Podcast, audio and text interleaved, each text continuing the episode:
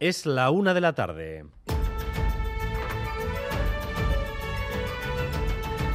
Crónica de Euskadi con Dani Álvarez. A Rachaldeón, las elecciones municipales han reventado el clima de calma política que se había impuesto en los últimos años en nuestro país. La negociación de los pactos postelectorales ha desatado acusaciones de falta de legitimidad de algunos posibles acuerdos al estilo de lo que ocurre en España. Allí ya saben que el eje es deslegitimar los pactos del PSOE con EH Bildu por parte de la derecha y los del PP con Vox por parte de la izquierda. Aquí empieza a repetirse un esquema similar y hoy tanto el PSE como el PNV han respondido a la entrevista concedida por Otegui ayer en Radio Euskadi en la que cuestionaba los votos del PP para conformar mayorías. Escuchen a Andueza, Eguíbar y Eider Mendoza. Que el señor Otegui se permita darnos lecciones de democracia me parece cuando menos atrevido. ¿no? Es muy proclive a la exageración. Arnaldo Otegui lo que tiene que hacer es negociar, en su caso, la abstención del Partido Popular. No es lícito deslegitimar los consensos y las decisiones adoptadas dentro de las reglas de juego democráticas, simplemente porque no nos gustan. La renovación del pacto PNV-PSE abre además otra vía de agua en la expectativa de la unidad de las izquierdas en Euskadi, porque es previsible que H. Bildu se quede sin la alcaldía de Vitoria, a la que aspira, y lo ha dicho con claridad hoy en Boulevard, en Eco Andueza, el Partido Socialista. Lo que ha hecho Andueza es pedirle a Podemos que reflexione sobre su papel y sus resultados, porque le ha penalizado pactar solo con Bildu formación precisamente con la que hoy ha mantenido dos encuentros. Irache Ruiz. Directamente el secretario general de los socialistas le ha llamado al Carrequín recadista de Bildu. Respondían los morados acusándoles de virar para abrazarse a las derechas. En Euskadi se distancian las dos izquierdas que gobiernan en la Moncloa, mientras que se acerca una segunda alianza. EH Bildu, la fuerza más votada en Guipúzcoa y Gasteiz, se ha reunido esta mañana con el Carrequín. Constatada la sintonía programática, se emplazan a seguir trabajando para cerrar gobiernos progresistas. Estos bloqueos tienen, como saben, su versión navarra y afectan al Ayuntamiento de Pamplona, pero no al gobierno. Chivite será de nuevo presidenta y ya se ha reunido con Geroa Bay y lo va a hacer también con Zurekin y Arangoa. León y Chivite se muestra positiva que ha tratado, dice el de Geroa Vamos a intentar retomar enseguida nuestra conexión con Ollane Arangoa, reuniones de María Chivite, que ha expresado con claridad su intención de conformar un nuevo gobierno cuanto antes. Y en el Hospital Donostia, despliegue total y protocolo activado ante un posible caso de fiebre hemorrágica, es decir, un caso de ébola o similar. Se trata de una mujer que ha estado trabajando en la República Centroafricana. Natalia Serrano. Sí, de momento se habla de caso sospechoso. Los resultados indican Osakidecha de las pruebas que se le han realizado ya.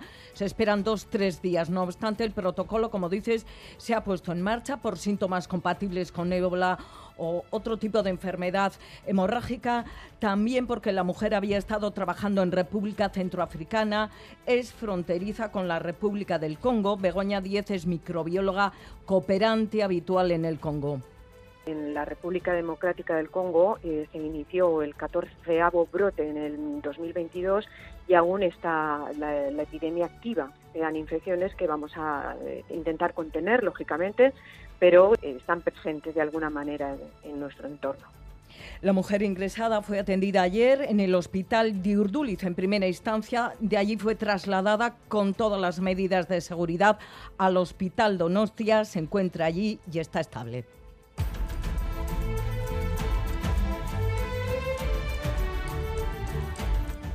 Primer día de junio empieza la temporada de playas en Vizcaya, Donostia y Zarautz. En Gorliz está Olacharriola Bengoa, Arrachaldeón. Arrachaldeón, cielo azul y mar en calma. Así está esta hora la playa de Gorliz, que junto con Baquio estrena además esta temporada baño asistido. Hoy no se ve apenas gente en el agua, los más valientes, alumnos de la escuela de Orduña. El resto pasea por la orilla o toma el sol. Bueno, empezamos ya la temporada, pero si hace bueno, la empezamos antes, o sea, aprovechamos cualquier momento porque esta playa es estupenda para pasear. Bueno, estamos de vacaciones aquí, o sea que hemos aprovechado y como hace bueno, pues bajar a la playita. Sí, sobre todo pasear. Bañar creo que no porque todavía el agua estará bastante fresca Además de en Vizcaya, Donostia y Sarauz también empiezan hoy la temporada de playas y ojo porque en todas estas localidades costeras y en algunas más también se implanta o se extiende la OTA para los vehículos. Por cierto, ya hay fecha para la fiesta de paellas en Algorta. ¿Qué día han elegido para esquivar las elecciones? Eder Carrero. 25 de julio, Algorta marca en rojo desde ya en su calendario. Así lo ha anunciado Ichasargui, asociación organizadora de la fiesta, tras reunirse con el ayuntamiento, retrasa paellas al propio día festivo, el día de Santiago. Escarne Unano es presidenta de Ichasarguía.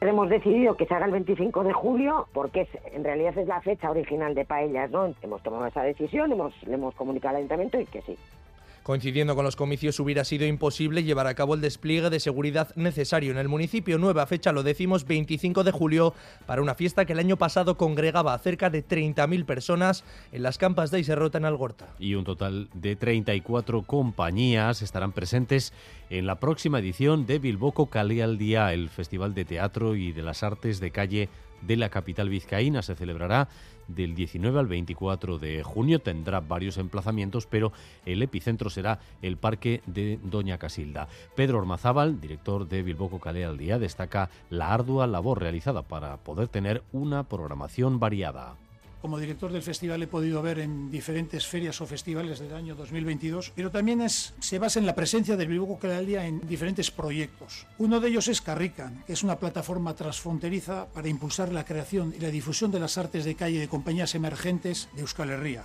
Y así contaremos este año con la presencia de Piscifactoria, que es la ganadora de la última convocatoria, que es una propuesta diferente y creada expresamente en euskera.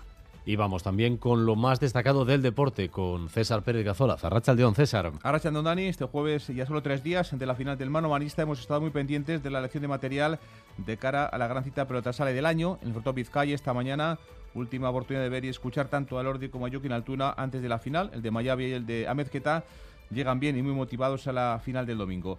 Y en fútbol, el nombre propio de las últimas horas es José Luis Mendilibar, que ha llevado al Sevilla a un nuevo título europeo, el séptimo para el conjunto sevillista y el primero a sus 62 años en, la carrera del técnico de Zaldívar. Anoche en una final eterna que duró casi 150 minutos y en los penaltis en Budapest y frente a la Roma de Mourinho ganaba esa Europa League en Mendilibar y su Sevilla. Aún sin cerrar su futuro, Mendilibar conseguía anoche la Europa League y clasificar también al Sevilla para jugar la próxima Liga de Campeones. Ese partido se vivió intensamente en Zaldívar. De allí es Mendi. Nuestra unidad móvil ha estado esta mañana en la localidad vizcaína. Xavier Madariaga. En la zona de bares de Zaldívar, anoche nadie se perdió el Sevilla-Roma.